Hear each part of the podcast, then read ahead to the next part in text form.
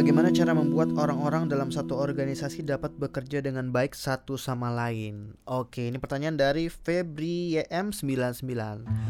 Hai guys, halo teman-teman, welcome back to Level Up, back with me Bina Kribo Dan kali ini gue mau jawab pertanyaan yang tadi, yang udah gue sebutin di awal Sebenarnya ini udah pernah gue bahas di Level Up di YouTube ya Bersama kakak gue, uh, Bayu Febriaji Kita ngomongin tentang empat tipe orang gitu ya Dan itu berguna banget untuk kita um, berkomunikasi sama orang lain gitu ya. Ibaratnya ini berguna untuk um, komunikasi antar teman-teman di kampus atau di sekolah atau mungkin teman-teman saat di kantor atau dengan kerja kelompok dan segala macam ya dalam grup-grup ini ya.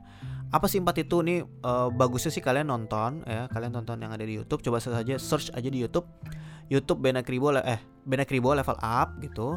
Terus ntar cari yang empat tipe orang gitu ya Nah, cuma di sini gue mau coba bahas secara singkat gitu ya. Kalau misalnya kalian belum ada waktu untuk nonton YouTube-nya karena cukup panjang durasinya gitu. Jadi empat tipe itu adalah yang pertama itu adalah intuitif, yang kedua itu adalah sensor atau sensing, yang ketiga itu adalah thinker atau thinking, dan yang keempat itu adalah feeler. Feel di sini feel ya, perasaan feeler.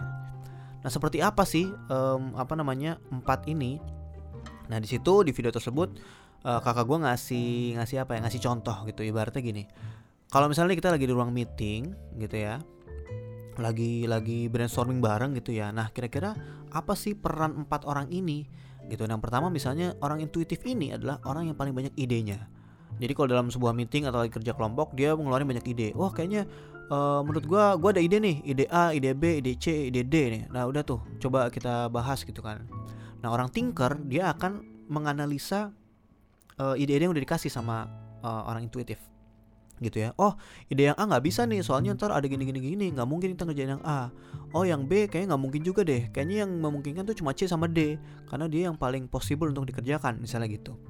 Nah orang sensor atau sensing salah satunya adalah dia itu uh, paling bisa mengambil keputusan.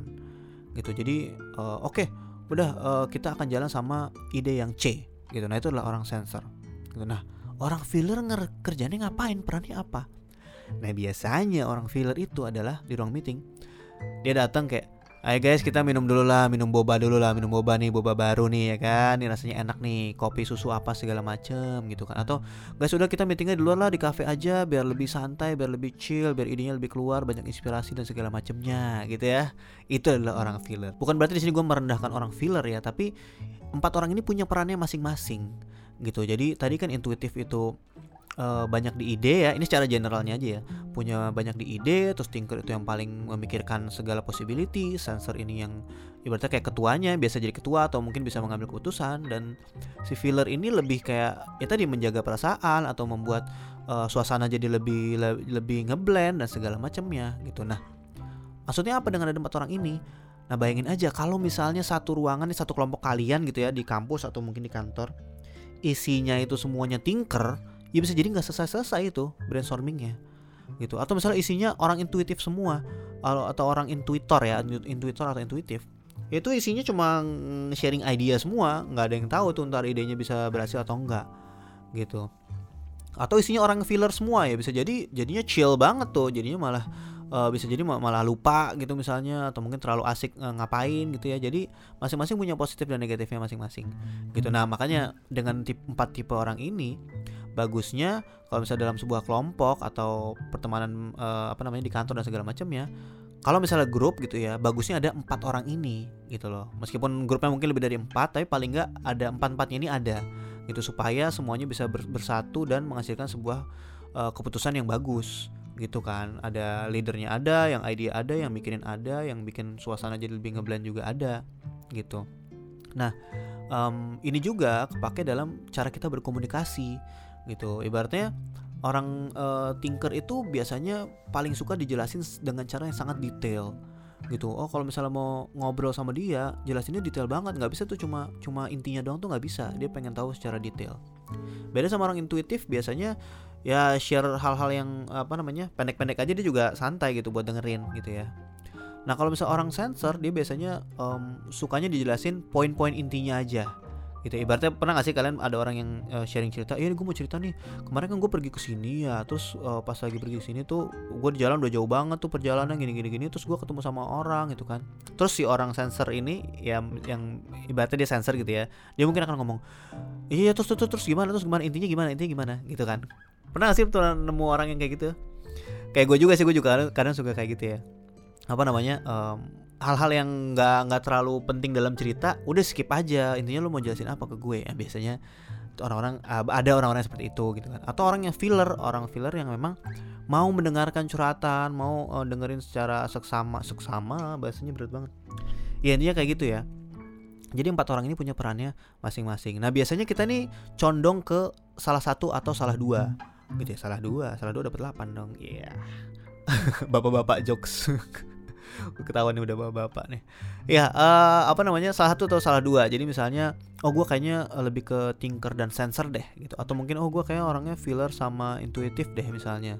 Gitu. Iya soalnya gue suka ngasih ide tapi gue juga orangnya chill banget apa segala macam gitu ya. Jadi empat tipe ini coba dipelajari karena ini bisa apa ya bisa dalam organisasi kita bisa jadi lebih solid gitu satu sama lain. Gitu kira-kira. Detailnya mendingan lihat aja di YouTube dan ini sebagai contoh aja sebenarnya nggak nggak nggak cuma empat orang ini aja. Sebenarnya ada banyak kalau misalnya kalian ngomongin tentang personality itu ada macam-macam.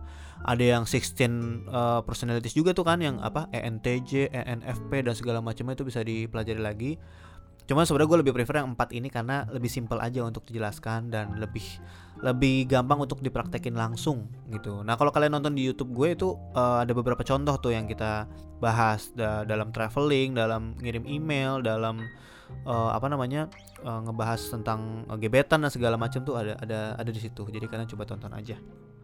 Oke lagi-lagi teman-teman gue pengen ngingetin lagi ke kalian gitu ya. Gue pengen sharing bahwa bikin podcast kayak gini seperti yang gue lakukan saat ini itu gampang banget. Bahkan bisa dibilang effortless banget. Kenapa? Karena dalam membuat sebuah podcast itu itu cuma membutuhkan suara gitu ya. Dan jangan langsung mikir kayak wah harus beli peralatan dan segala macam mikrofon yang canggih dan segala macam gitu ya.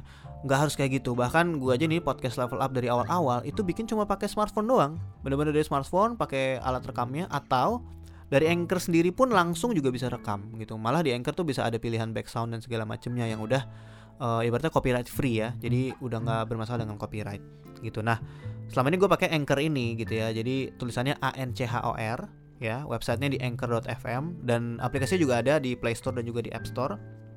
Jadi kita tinggal rekam suara kita kita upload gitu dan si Anchor ini dia bakal otomatis ngedistribusiin podcast-podcast kita ke platform-platform podcast lainnya kayak misalnya Spotify, Apple Podcast, Google Podcast dan lain-lain. Dan it's it's completely free ya, benar-benar gratis jadi nggak bayar sama sekali. Bahkan untuk ngupload video eh video, ngupload audio sebanyak mungkin itu pun kita nggak bayar sama sekali.